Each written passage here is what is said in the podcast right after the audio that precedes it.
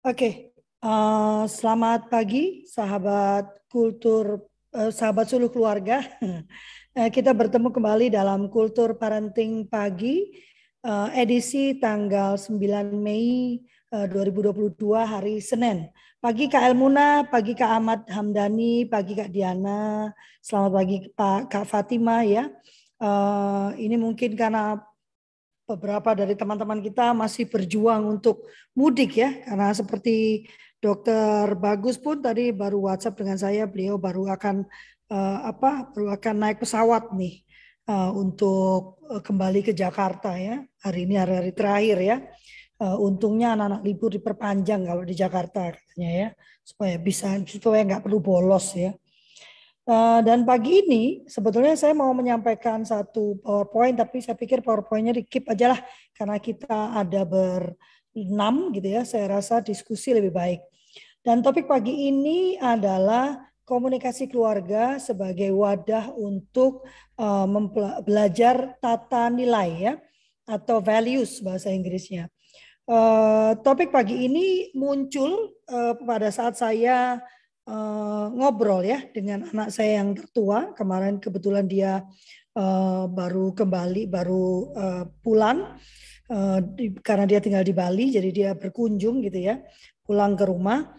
Dan kita mendiskusikan tentang uh, apakah efektif sebetulnya pelarangan terhadap uh, untuk anak gitu misalnya menonton sesuatu atau uh, mengunduh sesuatu gitu ya?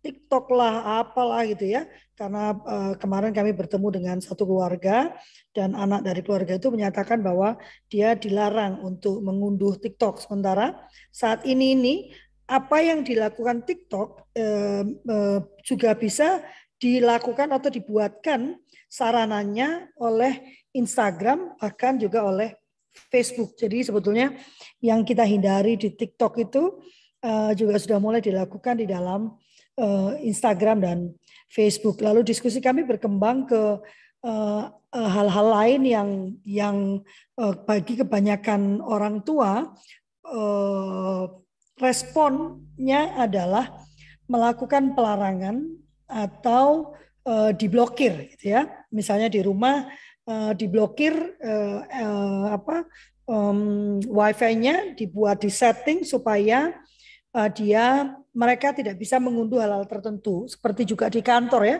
Kalau kita di kantor itu kan sering kali beberapa kantor itu memblokir akses ke YouTube memblokir akses ke ke Facebook gitu ya. Karena takut uh, pegawainya akan jalan-jalan ke YouTube atau ke Facebook gitu ya. Yang mana kita tetap aja jalan-jalan sebetulnya nah uh, kemudian muncul uh, diskusi itu berlanjut ke apakah sebetulnya itu efektif? Dengan pelarangan atau dengan dengan apa dengan pemblokiran. Dan uh, memang sejak awal saya uh, uh, uh, memikirkan tentang proses ini uh, saya tidak pernah berpendapat bahwa pemblokiran atau pelarangan itu adalah sesuatu yang efektif gitu. Alih-alih kemarin saya bicara dengan anak saya akan lebih uh, mudah dan efektif apabila setiap kali anak itu uh, habis mengambil baru me mengakses sosial media maka ada diskusi gitu jadi sebuah kebiasaan di rumah mengambil momen-momen tertentu yang nyaman, yang santai, yang uh, apa yang yang tidak menegangkan untuk mendiskusikan hal-hal yang terjadi di sekitar mereka. Karena tata nilai itu hanya bisa di uh, di, ditularkan uh, bukan lewat hafalan atau dogma-dogma, melainkan lewat diskusi dan penerapannya pada kehidupan sehari-hari, gitu ya. Um, dan kalau diskusi itu dilakukan secara berkala atau secara reguler setiap hari, maka nanti uh, diskusi itu akan membawa pada Eh, pemahaman akan tata nilai yang disepakati oleh keluarga tersebut. Karena bagi saya tata nilai itu berbeda-beda gitu ya. Tidak semua keluarga punya tata nilai yang sama, tetapi uh, demikian juga tidak semua keluarga perlu punya tata nilai yang sama. Mungkin dia menerapkan hal aturan yang sama, tapi values-nya berbeda.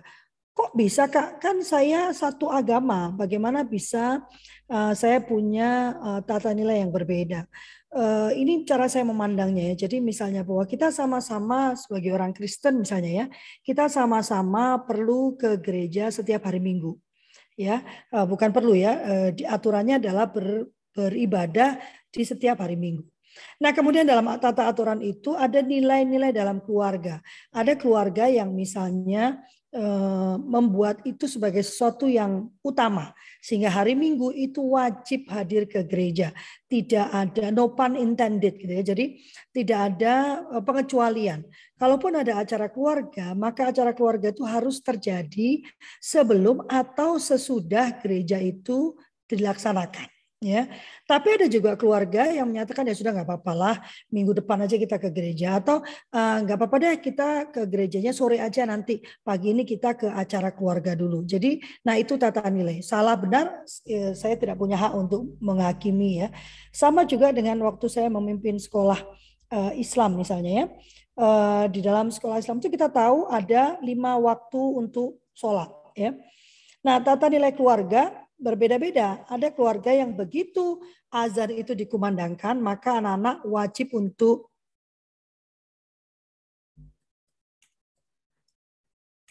uh,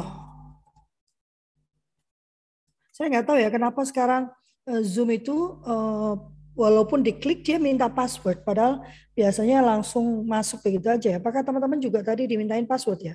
Saya pun dimintain password soalnya. Iya, tapi diulang oh. lagi terus enggak. Oh. Biasanya kalau minta password gitu, saya back lagi, diulang lagi sampai enggak muncul minta password atau minta passcode. Oh, berarti dia tergantung sinyal kali ya?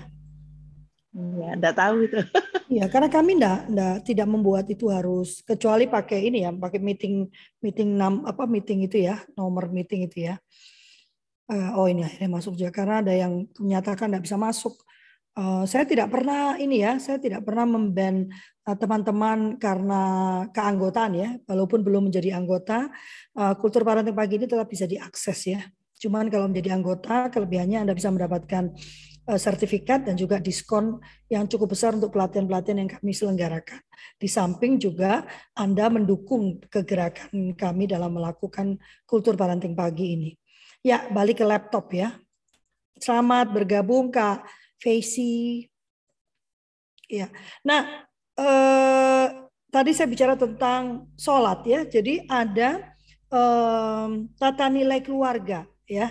Ke, eh, saya memahami waktu saya me, me, memimpin sekolah Islam gitu ya, menerapkan pada anak-anak untuk segera melakukan sholat setelah mereka mendengar azan, itu eh, tantangannya rupanya bukan di sekolah, melainkan di rumah gitu ya. Itu sebabnya saya sangat percaya perlunya komunikasi antara sekolah dengan rumah sehingga tata nilai di rumah itu diadopsi di sekolah dan diperkuat gitu ya.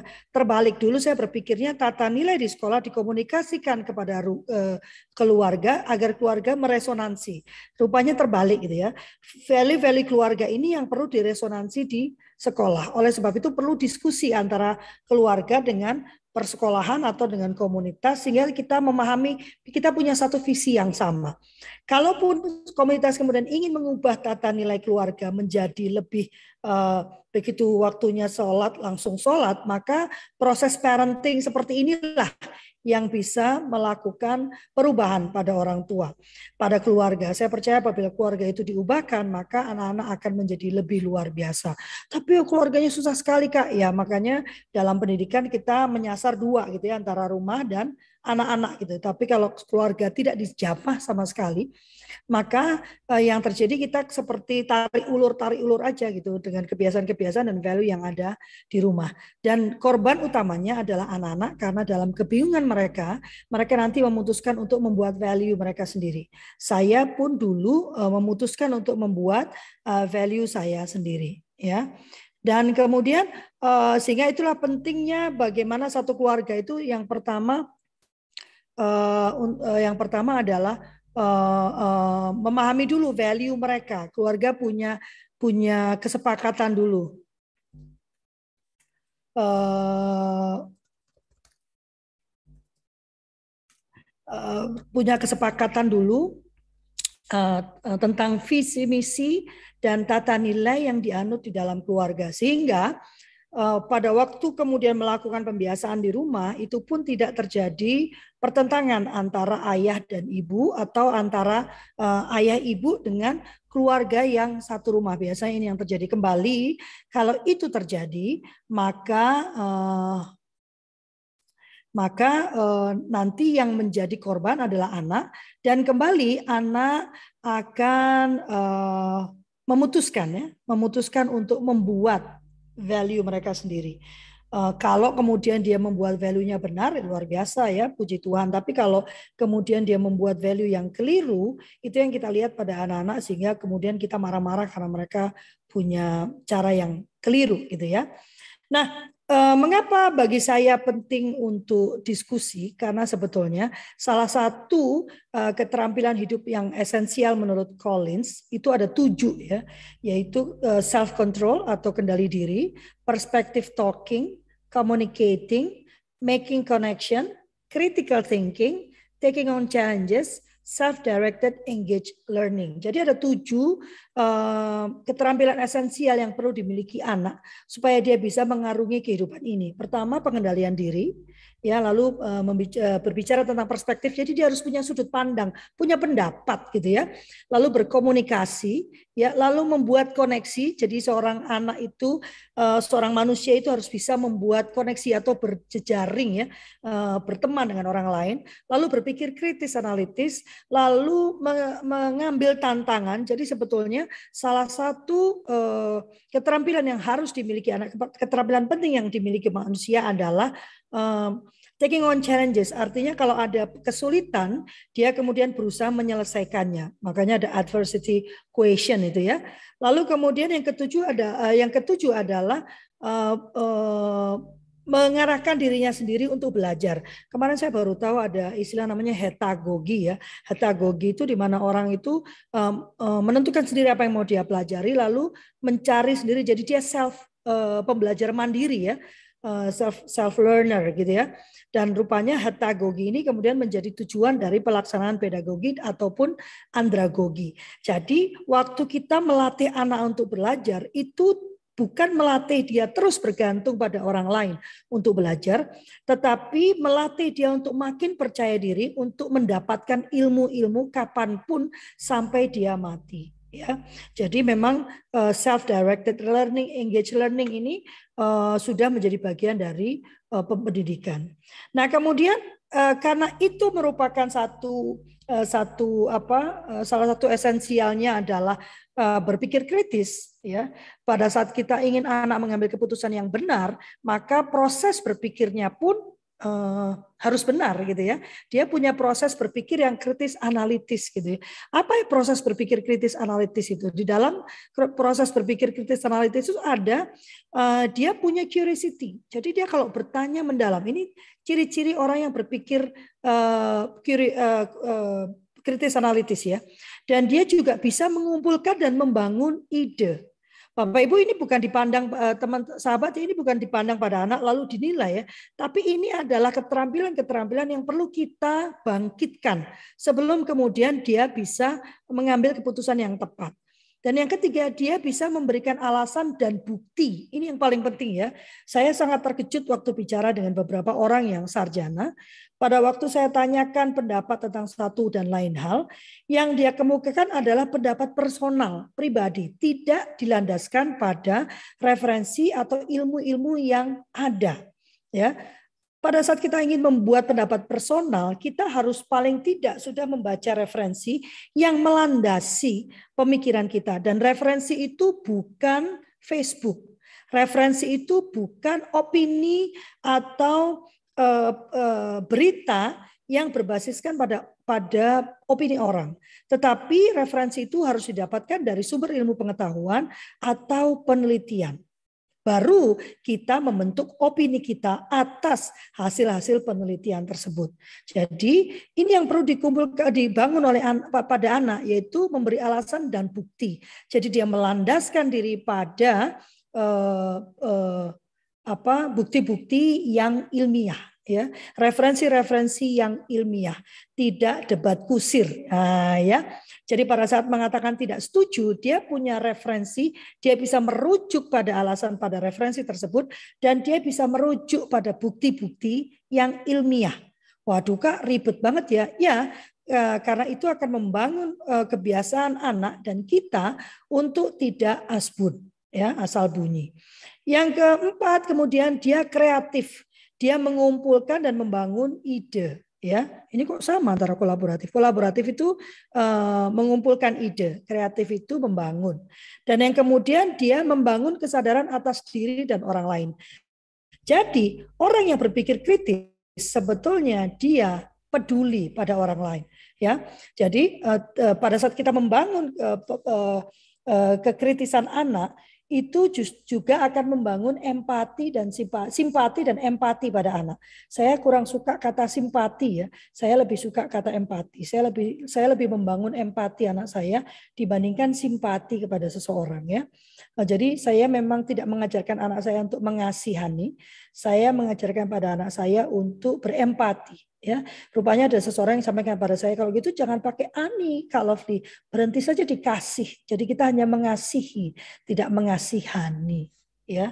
Nah kemudian setelah kemampuan berpikir itu dibangun ada cara supaya kita bisa membangun kemampuan berpikir itu yaitu bagaimana cara kita berkomunikasi ya karena sering kali waktu kita berkomunikasi yang muncul adalah instruksi yang muncul adalah eh, penghakiman jadi kayak intrograsi gitu ya. Padahal sebetulnya yang hendak kita bangkitkan adalah eh, cara-cara eh, kita bisa membangun eh, kesadaran anak dan bagaimana dia Eh, bisa eh, berpikir kritis ya. Kalau anak itu sudah mulai membantah, itu adalah masa paling tepat untuk kita mengajarkan pada anak, melatih anak bagaimana dia membangun eh, kritiknya dan bagaimana menyampaikannya secara santun. Saya selalu sampaikan ke anak saya, emosinya itu tidak bisa dipersalahkan. Tetapi yang harus di regulasi adalah respon atas emosi tersebut. Bagaimana kemudian emosi tersebut diekspresikan. Marah ya boleh, itu kan emosi. Tetapi bagaimana Anda kamu mengekspresikan marah itu yang perlu kita latihkan dan perlu kita pelajari. Ya, dalam kita berkomunikasi ini kalau teman-teman yang di uh, yang di Suluh Muda sudah pernah saya sampaikan, ada beberapa hal yang muncul. Yang pertama pada saat kita berkomunikasi, kita itu menyampaikan fakta, pernyataan, data ya, ini yang kita sampaikan. Tapi juga kita menunjuk kan informasi tentang diri kita. Ingat ya, waktu kita berkomunikasi dan waktu kita mendengar orang berkomunikasi, ada empat sisi yang muncul ya. Eh, ini eh, ini yang disampaikan oleh saya lupa ya, nanti saya cari lagi ya. Ada empat sisi. Yang pertama kita menyampaikan fakta, informasi apa yang mau kita sampaikan. Atau kalau jadi pendengar kita tahu apa yang mau dia sampaikan. Itu satu. Sisi pertama dari proses komunikasi tersebut. Sisi kedua adalah dia dan kita mengungkapkan diri kita, informasi tentang diri kita dalam bahasa yang kita sampaikan, cara kita berbicara, cara kita, eh, cara kita gestur kita kita itu menyampaikan, menginformasikan siapa diri kita. Yang ketiga, proses komunikasi ini juga mengungkapkan apa hubungannya, bagaimana saya menilai Anda atau bagaimana si pembicara itu menilai kita. Apa hubungan antara kita berdua? Apakah dekat, senang, tidak senang, kesal itu muncul dalam ekspresi berkomunikasi. Kenapa saya juga menyebutkan sebagai sender atau sebagai pelaku komunikasi? Agar nanti pada saat kita merancang komunikasi kita, kita paham bahwa kita sedang mengirimkan empat sinyal. Sinyal yang terakhir adalah appealing. Anda ingin, saya ingin menyampaikan apa perubahan apa yang ingin saya yang saya munculkan dari Anda. Ya, jadi ada empat sisi yang kita munculkan pada saat kita berkomunikasi. Jadi kalau kita mau bicara, eh, kalau kita tahu ada empat hal yang kita sampaikan, maka kita akan berlatih ya kembali komunikasi itu sebuah keterampilan skill. Jadi harus dilatih, berlatih eh, bagaimana eh, kecepatan berbicara, bagaimana kejelasan pronunciation atau pengucapan, bagaimana gestur, bagaimana mata kita sehingga semuanya mendukung informasi yang akan kita sampaikan. Salah satu yang sulit saya kerjakan adalah Eh, berlatih mengatur ketukan bicara saya. Kadang-kadang masih ada yang mengeluh bahwa cara saya berbicara itu terlalu cepat gitu ya. Jadi kalau pertama-tama yang saya lakukan dulu kaki saya itu mengetuk. Jadi kalau saya bicara itu saya bergoyang terus karena sebetulnya saya berusaha mengatur ritme ya. Jadi seperti orang nyanyi gitu ya, ada ketukannya gitu ya. Nah, ini saya berusaha mengatur ritme. Kalau saya saya terlalu cepat, ritme saya saya perlamban ketukannya gitu ya. Sehingga nanti cara berbicara saya pun lebih pelan. Dan itu perlu latihan yang berkali-kali ya, bertahun-tahun. Itu pun sampai hari ini masih ada orang-orang yang eh, mengeluhkan bahwa cara bicara saya terlalu cepat gitu ya. Jadi teman-teman pada saat kita nanti melakukan komunikasi diingat dan dilatihkan supaya empat hal yang kita empat hal yang kita tunjukkan pada saat kita berkomunikasi itu punya satu uh, makna yang sama saling mendukung. Jadi apa yang akan kita informasikan, apa yang kita sampaikan, ya, lalu uh, informasi apa yang ada dalam diri kita yang kita munculkan, Lalu yang ketiga, eh, bagaimana hubungan kita dengan orang tersebut? Ya, apa yang kita pikirkan tentang orang tersebut? Nah, ini ada Teh Yanti. Hai Teh Yanti. Oh, belum bergabung.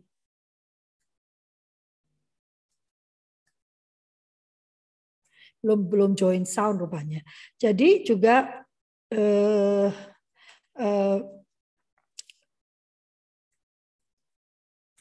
Jadi juga ada tiga, empat tadi ya. Yang pertama eh, pesan apa yang eh, kita sampaikan, informasi apa yang kita sampaikan. Hai teh, kasihkan urus kucing katanya.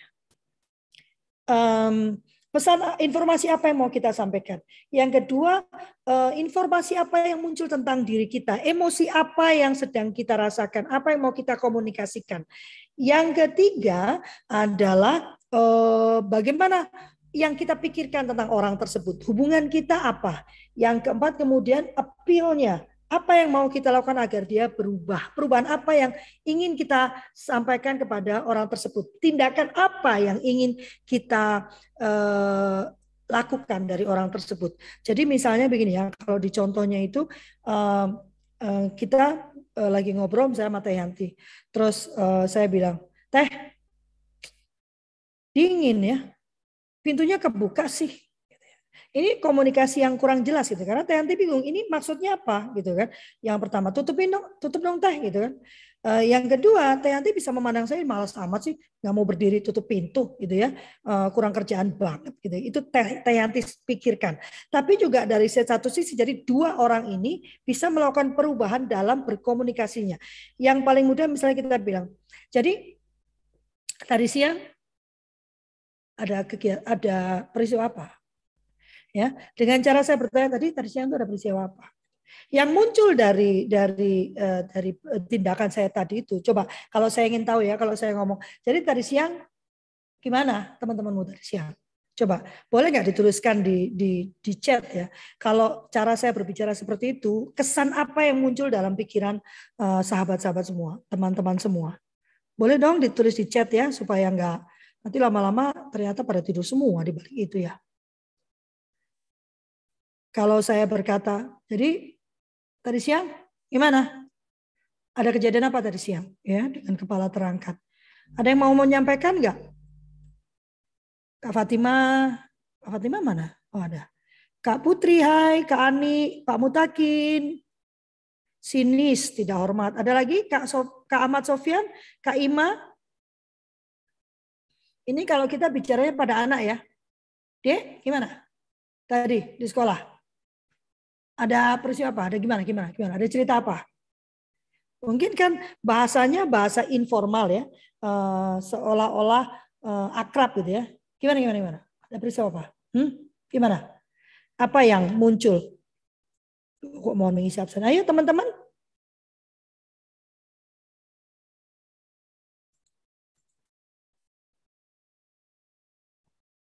Oke, bagaimana logat dan tadi gimana? Ada peristiwa apa? Ini kalau misalnya kita, jadi yang saya ajak bicara ini anak-anak ya, dengan anak kita atau murid gimana gimana? Ada peristiwa apa? Kayak gitu tuh. Apa yang muncul dalam pikiran? Kesan apa yang muncul uh, uh, dari teman-teman? Gimana Kak Sofian, Pak Kak Ahmad Sofian? Silakan kalau mau menyampaikan silakan loh.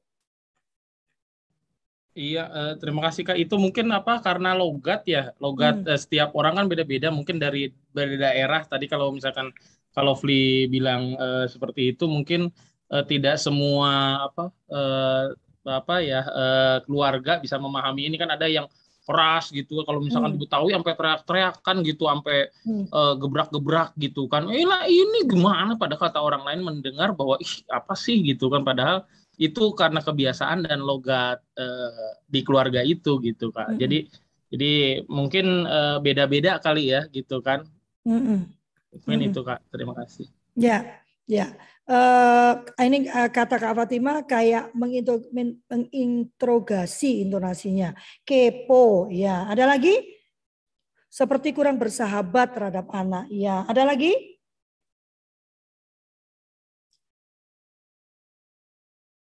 Ya, sebetulnya tadi yang disampaikan Kak Ahmad Sofian itu dia sudah mencoba memahami empat sisi komunikasi tadi, ya. Tetapi juga eh, kita tuh jangan minta dipahami melulu, lebih dulu memahami orang lain, begitu kan? Dengan cara memahami pada saat kita berbicara seperti itu, regardless our cultural background ya, apa pun bentuk uh, apa uh, budaya kita karena saya dari Surabaya gitu ya. Kalau saya memakai budaya Surabaya saya bisa pulang semua ya orang-orang ya. Uh, ya kan? Karena saya akan memakai suara yang sangat keras, tajam. Kalau orang Surabaya itu kan kalau berbicara itu uh, tajam, keras, to the point ya. Uh, bahkan kadang terkesan kasar begitu ya. Nah, uh, dan ini mungkin tidak diterima baik dengan orang-orang di luar budaya saya. Bahkan kadang-kadang di dalam budaya saya pun uh, suka uh, sering kali penerimanya menjadi keliru. Nah di dalam berkomunikasi kita memahami ada empat hal yang uh, yang mau kita sampaikan. Pertanyaan saya, kalau tentang relasi, pada saat saya bicara seperti itu, kira-kira anak memandang relasinya itu bagaimana ya? Waktu saya berkata demikian dengan anak, jadi gimana? Hah? Ada apa hari ini? Hah? Ada cerita apa hari ini? Uh, relasi yang muncul dari proses komunikasi saya itu apa? Ayo, silakan. Yang mau menyampaikan langsung boleh, yang mau uh, tuliskan saja boleh. Tidak bersahabat. Ada lagi? Tadi tadi sudah ada ya, sudah seperti diinterogasi gitu ya, ya kan?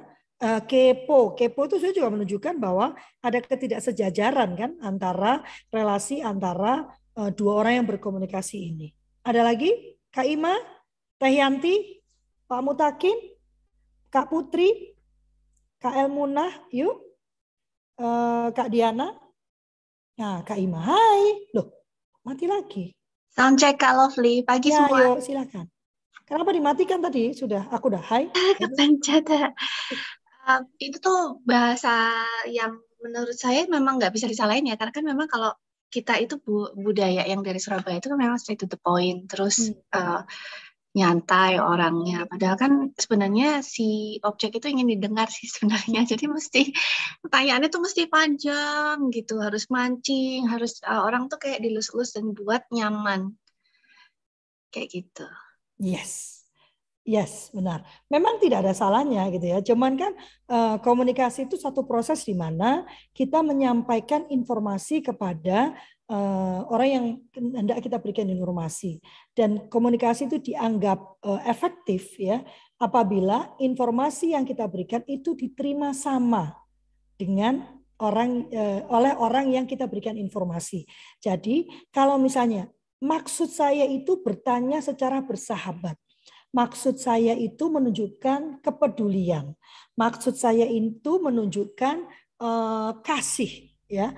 Tapi kalau kemudian orang yang saya ajak bicara itu menerimanya sebagai satu uh, kesombongan ya uh, atau uh, apa uh, um, apa kepo ya gitu ya atau uh, apa uh, rasa tidak percaya kalau kepo itu kan artinya anda tidak percaya pada anak anda jadi anda ingin menyelidiki kalau menginterogasi itu kan menyelidiki artinya uh, sehingga berarti komunikasi yang anda kerjakan itu tidak efektif gitu ya. Makanya di dalam komunikasi diajarkan bahwa kita harus mengetahui dulu audiens kita itu siapa. Sulitnya pada saat kita melakukan online seperti ini ya, terutama kalau teman-teman menutup kamera, sebagai orang yang berkomunikasi, kita itu mengandalkan reaksi dan respon dari orang yang diajak berkomunikasi.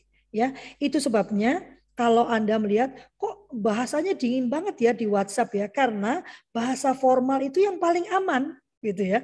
Yang paling aman yang artinya ya itu saja gitu. Tidak ada tidak ada maksud yang lainnya begitu ya. Sangat sulit untuk me, me, memakai bahasa yang hangat di dalam komunikasi satu arah kalau buat saya ya. Walaupun WhatsApp grup itu kan pancing memancing WhatsApp itu kan kita tapi itu kan menurut saya satu arah. Karena saya tidak bisa melihat reaksi teman-teman waktu membaca atau mendengar apa yang saya katakan.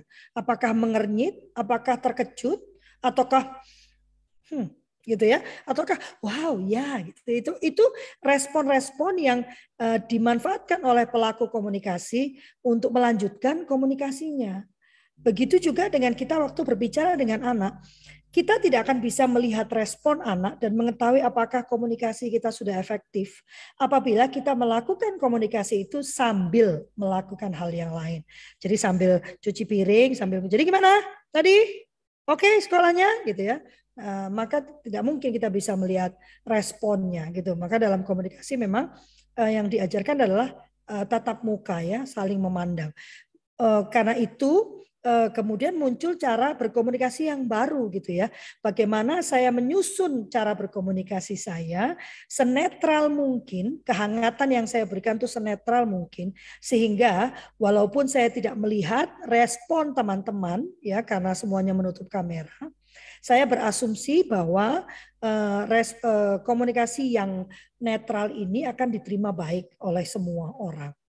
Bagaimanapun budayanya, latar belakang budayanya. Jadi tadi ya, sehingga uh, pada waktu kita mendengarkan anak berbicara ada empat hal itu yang perlu kita dengarkan ya, kita perlu amati apa informasi yang mau disampaikan, apa uh, informasi tentang dirinya yang sedang disampaikan, marah, sebel, capek, ya uh, bingung, semua emosi kita baca dalam berkomunikasi itu.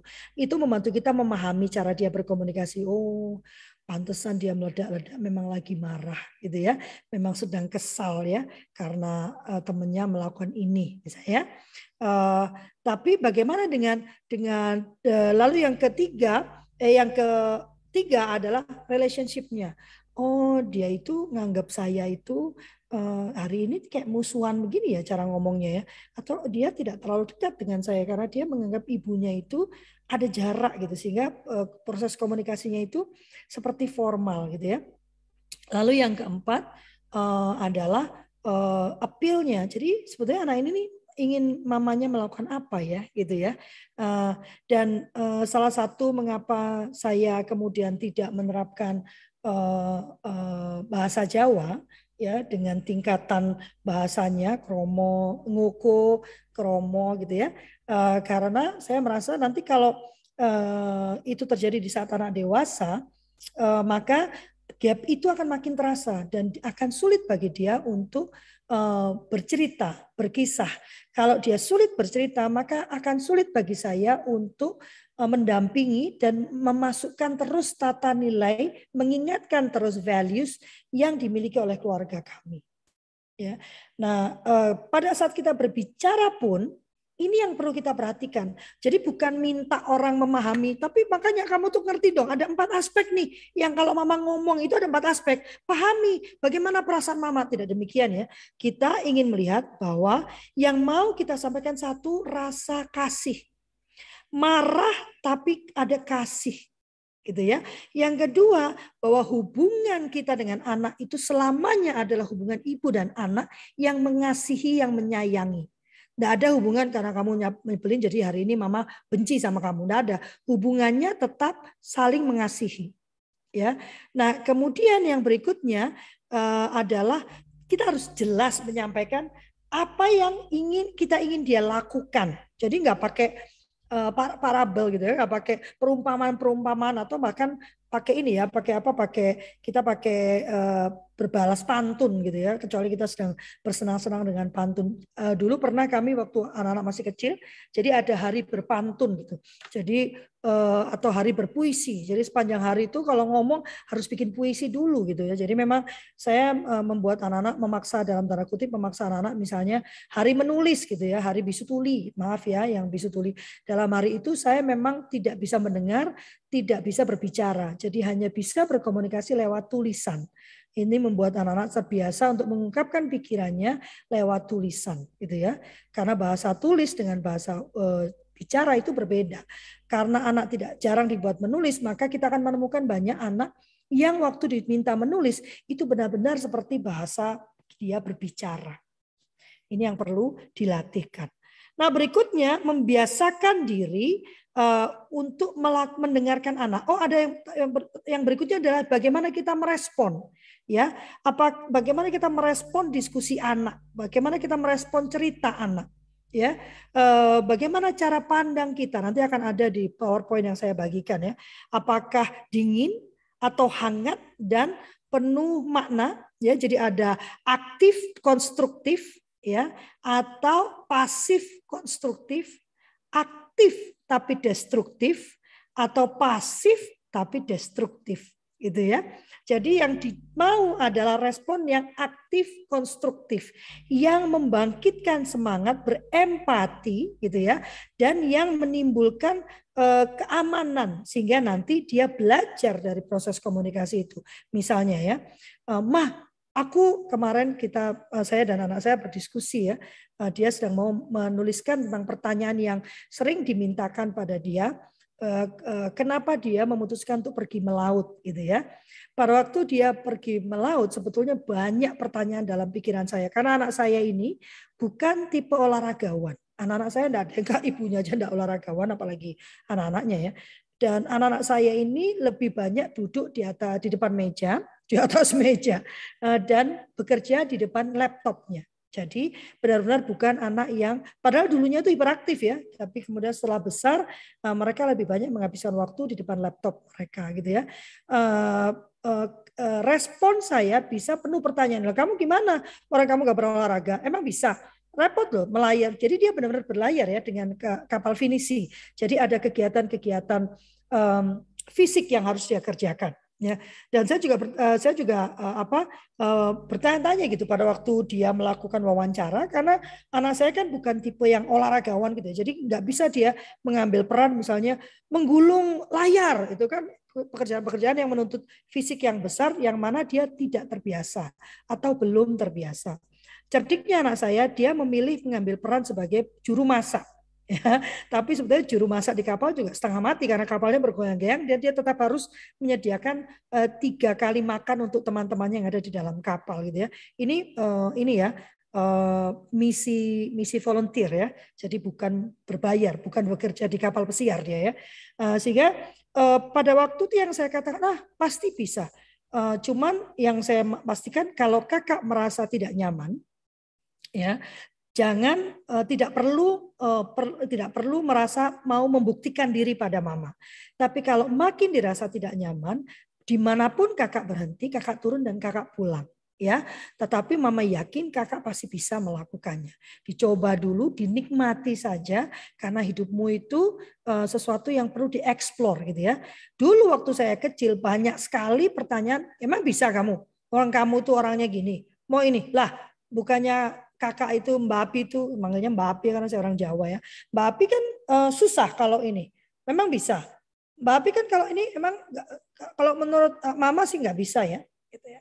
Jadi saya menghindari kata menurut mama nggak bisa gitu ya. Uh, saya biarkan dia mengeksplor dirinya dan menemukan batasan-batasan yang dia miliki. Dan saya berkali-kali menantang batasan itu supaya batasannya makin jauh gitu ya. Saya bersyukur akhirnya dia tertarik untuk mencobakan residensi ke luar negeri gitu ya. Anak saya ini entah kenapa sangat patriotik, jadi dia nak mau ke luar negeri, dia mau membangun bangsanya katanya. Saya katakan ya sebetulnya bisa dengan belajar segala yang ada di luar, kemudian dibawa pulang untuk membangun negaramu gitu. Saya mama kan nggak nyuruh kamu pindah ke negara lain, mama bahkan meminta kamu mengembangkan horizonmu gitu, mengembangkan pengalamanmu, berinteraksi dengan budaya lain, berinteraksi dengan negara-negara lain sehingga waktu pulang kamu punya perspektif yang lengkap gitu ya. Jadi eh, bagaimana kita merespon itu akan membuat anak tumbuh rasa percayanya. Dulu waktu saya kecil bahkan saya eh, berhenti berbicara dengan ibu saya tentang hal-hal yang eh, menyangkut keputusan karena saya tahu apa yang akan dia katakan. Dia pasti akan menemukan hal negatif yang membuat saya makin ragu-ragu untuk melakukannya. Dampaknya saya menjadi pribadi yang dalam tanda kutip liar ya. Saya mencari sendiri bentuk saya tanpa bimbingan eh, yang cukup dari orang dewasa di sekitar, di sekitar saya ya. Nah, kemudian kita jadikan itu sebuah kebiasaan. Teh Yanti punya 20 menit yang memukau ya, di mana 20 menit memukau itu bisa dijadikan segala hal. Kalau Anda ingin membiasakan anak membaca, 20 menit memukau itu dijadikan 20 menit untuk membacakan cerita. Tetapi untuk mendengarkan anak, maka kita jadikan 20 menit setiap hari, kita pilihkan jam yang paling nyaman, yang tidak membuat orang terburu-buru, 20 menit saja untuk belajar mendengarkan, benar-benar mendengarkan secara atentif ya dan kemudian merespon secara aktif dan konstruktif berlatih. Jadi sampaikan pada anak-anak, kita akan mulai 20 menit pemukau. Mama akan belajar lebih atentif dalam mendengarkan kamu dan ber, ber, meresponnya dengan aktif tapi konstruktif gitu ya. Mama belajar dan kamu belajar mempercayai mama. Mari kita belajar bersama-sama. Ini kalau sudah gede ya, sudah waduh kelewat biasanya gitu tuh kalau udah gede anaknya gagal dong. Enggak ya. Kita dekati anak, kita minta maaf untuk cara komunikasi yang selama ini sudah dilakukan dan dan sampaikan mama belajar berubah nih ya. Yuk kita belajar saling mempercayai dan saling menjaga kepercayaan ya. Karena komunikasi hanya bisa terjadi pada saat orang yang berkomunikasi itu percaya pada yang diajak berkomunikasi ya. Dan kemudian kalau anak masih kecil itu dijadikan kebiasaan dan dilatihkan terus agar anak terbiasa dengan pola komunikasi. Dan akhirnya dalam komunikasi itu ada paling gampang 5W1H. Jadikan kebiasaan tanyakan 5W1H. Eh, who, what, who, when, where, why, how. Ya, itu saja yang ditanyakan.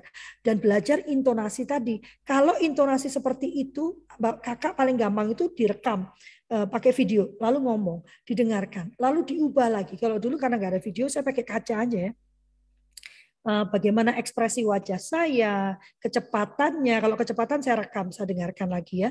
Dan itu nanti dilatihkan terus, termasuk di dalamnya kita latihkan eh, apa? Kita latihkan bagaimana kita merespon. Kita berlatih dan anak berlatih lewat cara kita berkomunikasi. Dia akan melihat ini cara yang nyaman dan ini seharusnya bagaimana saya berkomunikasi. Dan lewat komunikasi itu Anda memasukkan tata tata nilai tata nilai yang Eh, mau Anda kembangkan misalnya. Jadi tadi di titik ada apa? Oh itu mah. Jadi ada orang ya eh, berkelahi dia terus direkam. Oh gitu ya. Oh, uh, bagi, uh, siapa yang berkelahi? Ada dua orang mah sepertinya. Jadi dia mulai merancang uh, mencoba menganalisa informasi atau data yang dia temukan. Dan biasanya anak-anak saya kemudian akan ke Google untuk mencari informasi yang lebih detail tentang peristiwa perkelahian itu. Oh rupanya ada yang di, di menurut surat kabar ini dikatakan mereka berkelahi karena latar belakangnya ini ini ini. Lalu kita diskusikan, oh menurut menurut eh, kakak itu uh, gimana ya dengan latar begitu? Apakah worth it untuk berkelahi seperti itu? Ah ya, ini mungkin gini ya, Ma. Uh, mereka tuh kan tetap dengan menghilangkan proses penghakiman. Saya mau berhenti di sini ya. Apakah ada yang mau bertanya atau mau bercerita?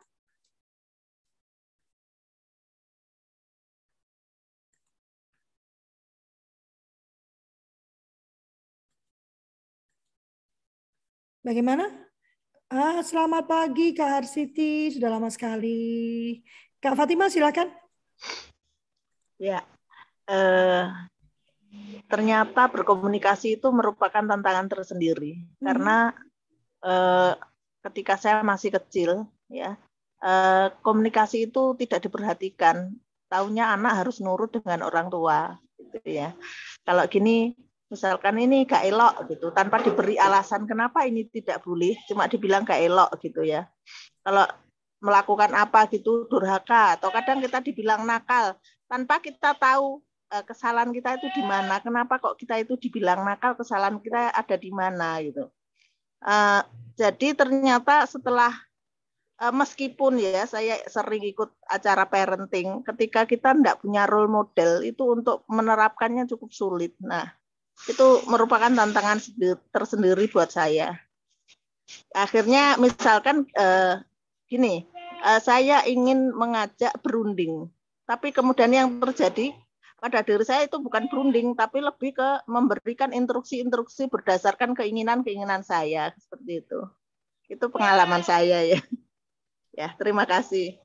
Ya, ya benar banget. Uh, saya pun sendiri sebetulnya uh, tidak punya role model ya, karena memang seperti saya sampaikan kan uh, apa uh, proses komunikasi dan parenting di rumah saya waktu saya masih kecil dan remaja itu um, buruk lah ya dengan segala hormat terhadap kedua orang tua saya almarhum ya dan juga kakek nenek saya almarhum. Uh, uh, uh, sehingga yang saya lakukan saya membaca buku saya mencari ilmu parenting sendiri lalu saya mengubah saya berusaha mengubah diri saya dan menjadikan apa yang dilakukan oleh kedua orang tua saya dan kakek nenek saya itu bagi sesuatu rambu-rambu yang tidak gitu ya.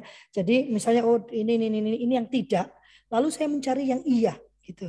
Uh, jadi um, role model itu itulah kenapa kita harus pahami ya. Kita menjadi kesulitan karena kita tidak pernah punya role model. Itu yang membuat saya itu seperti menampar saya. Saya tidak mau anak-anak saya kemudian mengalami hal yang sama seperti saya. Misalnya uh, saya tidak menyalahkan uh, semuanya kepada kedua orang tua saya, tapi salah, menurut saya salah satu penyebab dari kegagalan pernikahan saya adalah uh, tidak adanya role model dalam kehidupan saya satu, yang kedua juga luka-luka batin yang saya miliki akibat Eh, pola pengasuhan yang saya miliki gitu ya.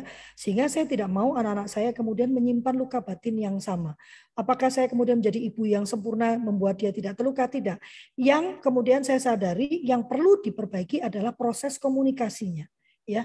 Karena di dalam komunikasi itulah kesalahan-kesalahan yang saya lakukan baik sengaja maupun tidak disengaja itu bisa diluruskan gitu ya dan eh, dampak dari proses tersebut bisa diminimalisir itu ya. Teh Yanti mungkin bisa membantu menguatkan ya atau gimana Teh? Teh ada di situ kah? Atau masih sibuk dengan kucingnya? Jadi eh, yang perlu dikembangkan adalah proses berkomunikasi itu sebabnya saya eh, ini ya sangat sangat uh, sangat heboh kalau bicara tentang komunikasi. Karena bagi saya nggak mungkin ada orang tua yang sempurna. Kita nggak mungkin jadi orang tua yang sempurna. Along the way kita pasti menimbulkan luka pada anak-anak kita ya. Sadar atau tidak sadar kita menimbulkan luka. Tapi dengan kita berhenti menggunakan alasan demi kebaikan anak ya atas luka yang kita timbulkan maka kita bisa terus memperbaiki diri ya dan kita bisa terus memperbaiki hubungan kita dengan anak-anak kita gitu ya. Jadi proses ini proses dua arah gitu. Kalaupun kita sudah ikut parenting gitu ya, bertahun-tahun sebelum kita menikah, sudah baca semuanya, tetap saja manusia itu tempatnya luput dan salah gitu. Maka along the way pasti kita melakukan sesuatu yang membuat anak itu terluka tanpa kita sadari. Maka proses berkomunikasi terus-menerus proses belajar bersama terus-menerus ini yang perlu selalu dikembangkan dan dipahamkan pada anak sehingga Eh, dia juga bisa berempati pada dirinya sendiri. Ya, satu yang saya terkejut ya kenapa kemudian saya berani berkata ini, anak saya berkata bahwa proses komunikasi ini dia tuliskan di Twitter dia ya, jadi tidak ngomong ke mamanya. Kalau ngomong ke mamanya berarti kan bisa juga dia cuma mau menyenangkan ibunya ya. Tapi di dalam Twitter itu dia sebutkan bahwa ternyata proses komunikasi terbuka antara saya dengan dia, bahkan mengkomunikasikan kegagalan, mengkomunikasikan uh, kesedihan saya, itu ternyata membuat dia melihat bahwa orang dewasa itu uh, ternyata tidak harus sempurna. Kehidupan menjadi dewasa itu tidak harus sempurna. Bahwa uh, kegagalan di masa dewasa, gitu ya, kesedihan, gitu ya, atau kesalahan di masa dewasa itu adalah sesuatu yang baik-baik saja gitu karena dia melihat ibunya melakukan kesalahan lalu memperbaiki diri jatuh. Jadi yang penting yang perlu kita tekankan tuh bukan kesalahannya. Bukan menekankan kesalahannya. Saya tidak berbicara dengan aspek hukum ya. Kalau Anda melanggar hukum ya pasti ada uh, konsekuensi hukum yang harus Anda harus Anda hadapi ya. Bahkan dalam dalam agama saya pun diajarkan dosa Anda diampuni, tapi konsekuensi dari dosa Anda itu tetap harus Anda alami gitu ya, lalu mm, apa eh, tidak terjadi konsekuensi atas kesalahan tersebut. Nah, eh, anak saya melihat bahwa ternyata ber, ber, eh, membuat kesalahan dalam kehidupan itu wajar itu. Dan kemudian yang penting adalah menerima itu sebagai sebuah kesalahan lalu kemudian memperbaiki diri. Salah satu kebahaya dari menunjukkan kesempurnaan sebagai orang dewasa, kesempurnaan sebagai seorang orang tua, tidak ada emosi negatif sama sekali yang muncul, tidak ada apa eh, kegagalan yang pernah kita tunjukkan gitu ya itu membuat anak memberikan tekanan yang luar biasa besar terhadap dirinya sendiri pada saat dia menjadi dewasa dia akan bertanya, boleh bisa nggak ya aku ya? Kan aku ini masih suka screw up dikit-dikit gitu loh. Saya aku masih suka berbuat salah gitu. Sementara ibuku itu sempurna banget gitu, nggak pernah nangis, nggak pernah marah gitu ya. Uh, selalu baik-baik saja dengan ayah saya gitu ya. Bagi saya uh, bertengkar dengan pasangan itu wajar gitu ya. Karena kita pun harus melatih, nggak ada ceritanya jangan bertengkar di depan anak. Begitu di balik kamar kita bentak-bentakan dengan semua kata-kata yang indah dan luar biasa. Itu tidak melatih diri kita dan tidak juga melatih anak. Bertengkar itu sesuatu hal yang wajar. Ya, perkelahian antara saudara itu yang wajar. Justru pada saat anak, kakak dan adik ini berkelahi, di situlah bertengkar, di situlah orang tua memasukkan tata nilai. Apa yang, bagaimana resolusi konflik itu? Ya bagaimana terjadinya? Saya sering kali kemudian dibilang kakak ada adik saya yang melakukan kesalahan yang cukup besar ya karena dia memaki-maki saya. Eh, kemudian saya diblok gitu ya adik adik sepupu. Eh, saya biarkan saja. Kemudian dia balik eh, dan meminta maaf Lalu saya sampaikan kamu itu adik saya gitu ya. Jadi apa pun yang kamu lakukan itu tidak akan membuat kamu jadi an adik gitu ya, unfriend gitu ya. Tidak demikian adanya gitu ya. Jadi kesalahan kamu itu pasti akan dimaafkan dan pasti akan kembali menjadi saudara. Ini yang eh, saya terapkan benar pada setidaknya pada dua anak saya gitu ya bahwa apa pun yang terjadi adikmu ini ya adikmu itu dan harus eh, disayangi dilindungi ya dan dijaga Demikian juga pada adiknya terhadap kakaknya. Jadi values tadi disampaikan justru lewat cerita-cerita harian. ya Bukan disampaikan, ingat ya, di dalam keluarga ini tidak boleh bertengkar. Di dalam keluarga ini tidak boleh eh, berbohong. Tetapi lewat komunikasi, lewat diskusi tentang peristiwa harian, maka value itu akan tertanamkan. Tapi yang penting dulu kita pahami value yang disepakati di dalam keluarga tersebut dan melatih diri kita sendiri untuk secara konsisten bergerak berbasiskan tata nilai tadi. Kita sudah masuk lebih empat menit ya. Eh, terima kasih banyak teman-teman eh, atas atensinya. Ini hari pertama Kultur Parenting Pagi on lagi. Hari Rabu kita akan ketemu dengan Kak Maria. Kak Maria Han, Han, Han, Han, Han, saya apalnya Handono, tapi katanya salah Hardono kayaknya. Kak Maria Hardono dan Kak Maria akan berbicara tentang bedanya antara anak aktif dan anak hiperaktif. Karena sering kali orang tua sudah mencap anaknya hiperaktif, padahal sebenarnya anak ini aktif. Ya, jadi nanti kita akan belajar apa itu bedanya dan bagaimana menanganinya. Uh, kita buka kamera dulu yuk, kita berfoto dulu sebelum uh, kita tutup kegiatan pagi ini.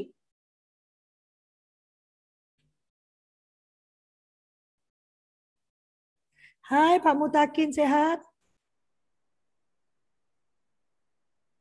Masih mute itu Pak Mutakin. Mas, jangan lupa pasang hati ya. Bentar. Ya, ya, ya. Bentar. Satu, Sehat, ya. dua, tiga. Hatinya Pak Mutakin. Udah ya? Tunggu Pak Mutakin baru pasang hati sekali lagi. Satu, dua, tiga. Udah ya? Oke, terima kasih banyak. Kita akan bertemu lagi hari Rabu jam 7 pagi. Uh, dan saya mohon maaf uh, uh, atas uh, segala yang saya sampaikan. Mungkin ada kata-kata yang kurang berkenan, ada gestur yang kurang berkenan. Saya tidak ingin uh, menghakimi, saya tidak ingin menghina, tidak merendahkan tidak juga menggurui, saya hanya ingin membagikan apa yang menjadi keyakinan saya dan saya yang saya kerjakan dalam kehidupan saya sehari-hari. Mohon maaf lahir batin, minal aidin wal faizin, selamat hari raya Idul Fitri. Wah, ini masih bawa Idul Fitri kan? Kalau yang dari Madura ini justru paling sibuk nih karena ini waktunya bikin ketupat. Nah, ya. Benar nggak Kak Alsari? Biasanya teman-teman yang di Surabaya itu sibuknya di hari ketujuh. Ya, hari ketujuh setelah uh, Idul Fitri. Nah, ya baru mulai bikin ketupat ya. Eh, dan eh, terima kasih banyak. Sampai bertemu lagi hari Rabu jam 7 pagi. Tetap eh, saya mohon bantu untuk membagikan link yang kami buat. Saya sudah bagikan judul-judul acara ya selama satu bulan. Silahkan di-sharekan. Semoga siapa yang membutuhkan bisa menghubungi Kak Deli di 085780866689 untuk mendapatkan linknya. Ya, terima kasih banyak. Wassalamualaikum warahmatullahi wabarakatuh. Tuhan memberkati. Teh, sampai ketemu lagi Teh. Terima kasih Kak Lovely. Terima kasih Kak Ani.